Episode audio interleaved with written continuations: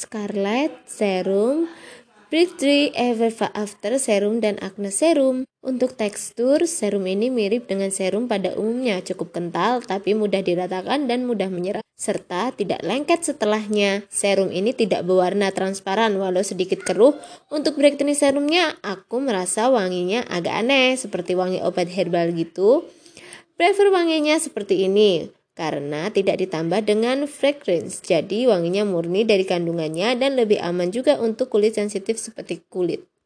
Selain serum ini juga mengandung glutathione sebagai antioksidan serta malic acid yang merupakan keluarga AHA sehingga bisa membantu mengeksfoliasi kulit, menyamarkan bekas jerawat, mencegah jerawat serta menghidrasi kulit kita. Kemasannya disebut bahwa produk ini bisa dipakai pagi maupun malam hari, namun menyarankan untuk memakainya di malam hari saja mengingat produk ini mengandung beberapa aktif ingredients yang mungkin akan membuat kulit kita lebih sensitif terhadap matahari.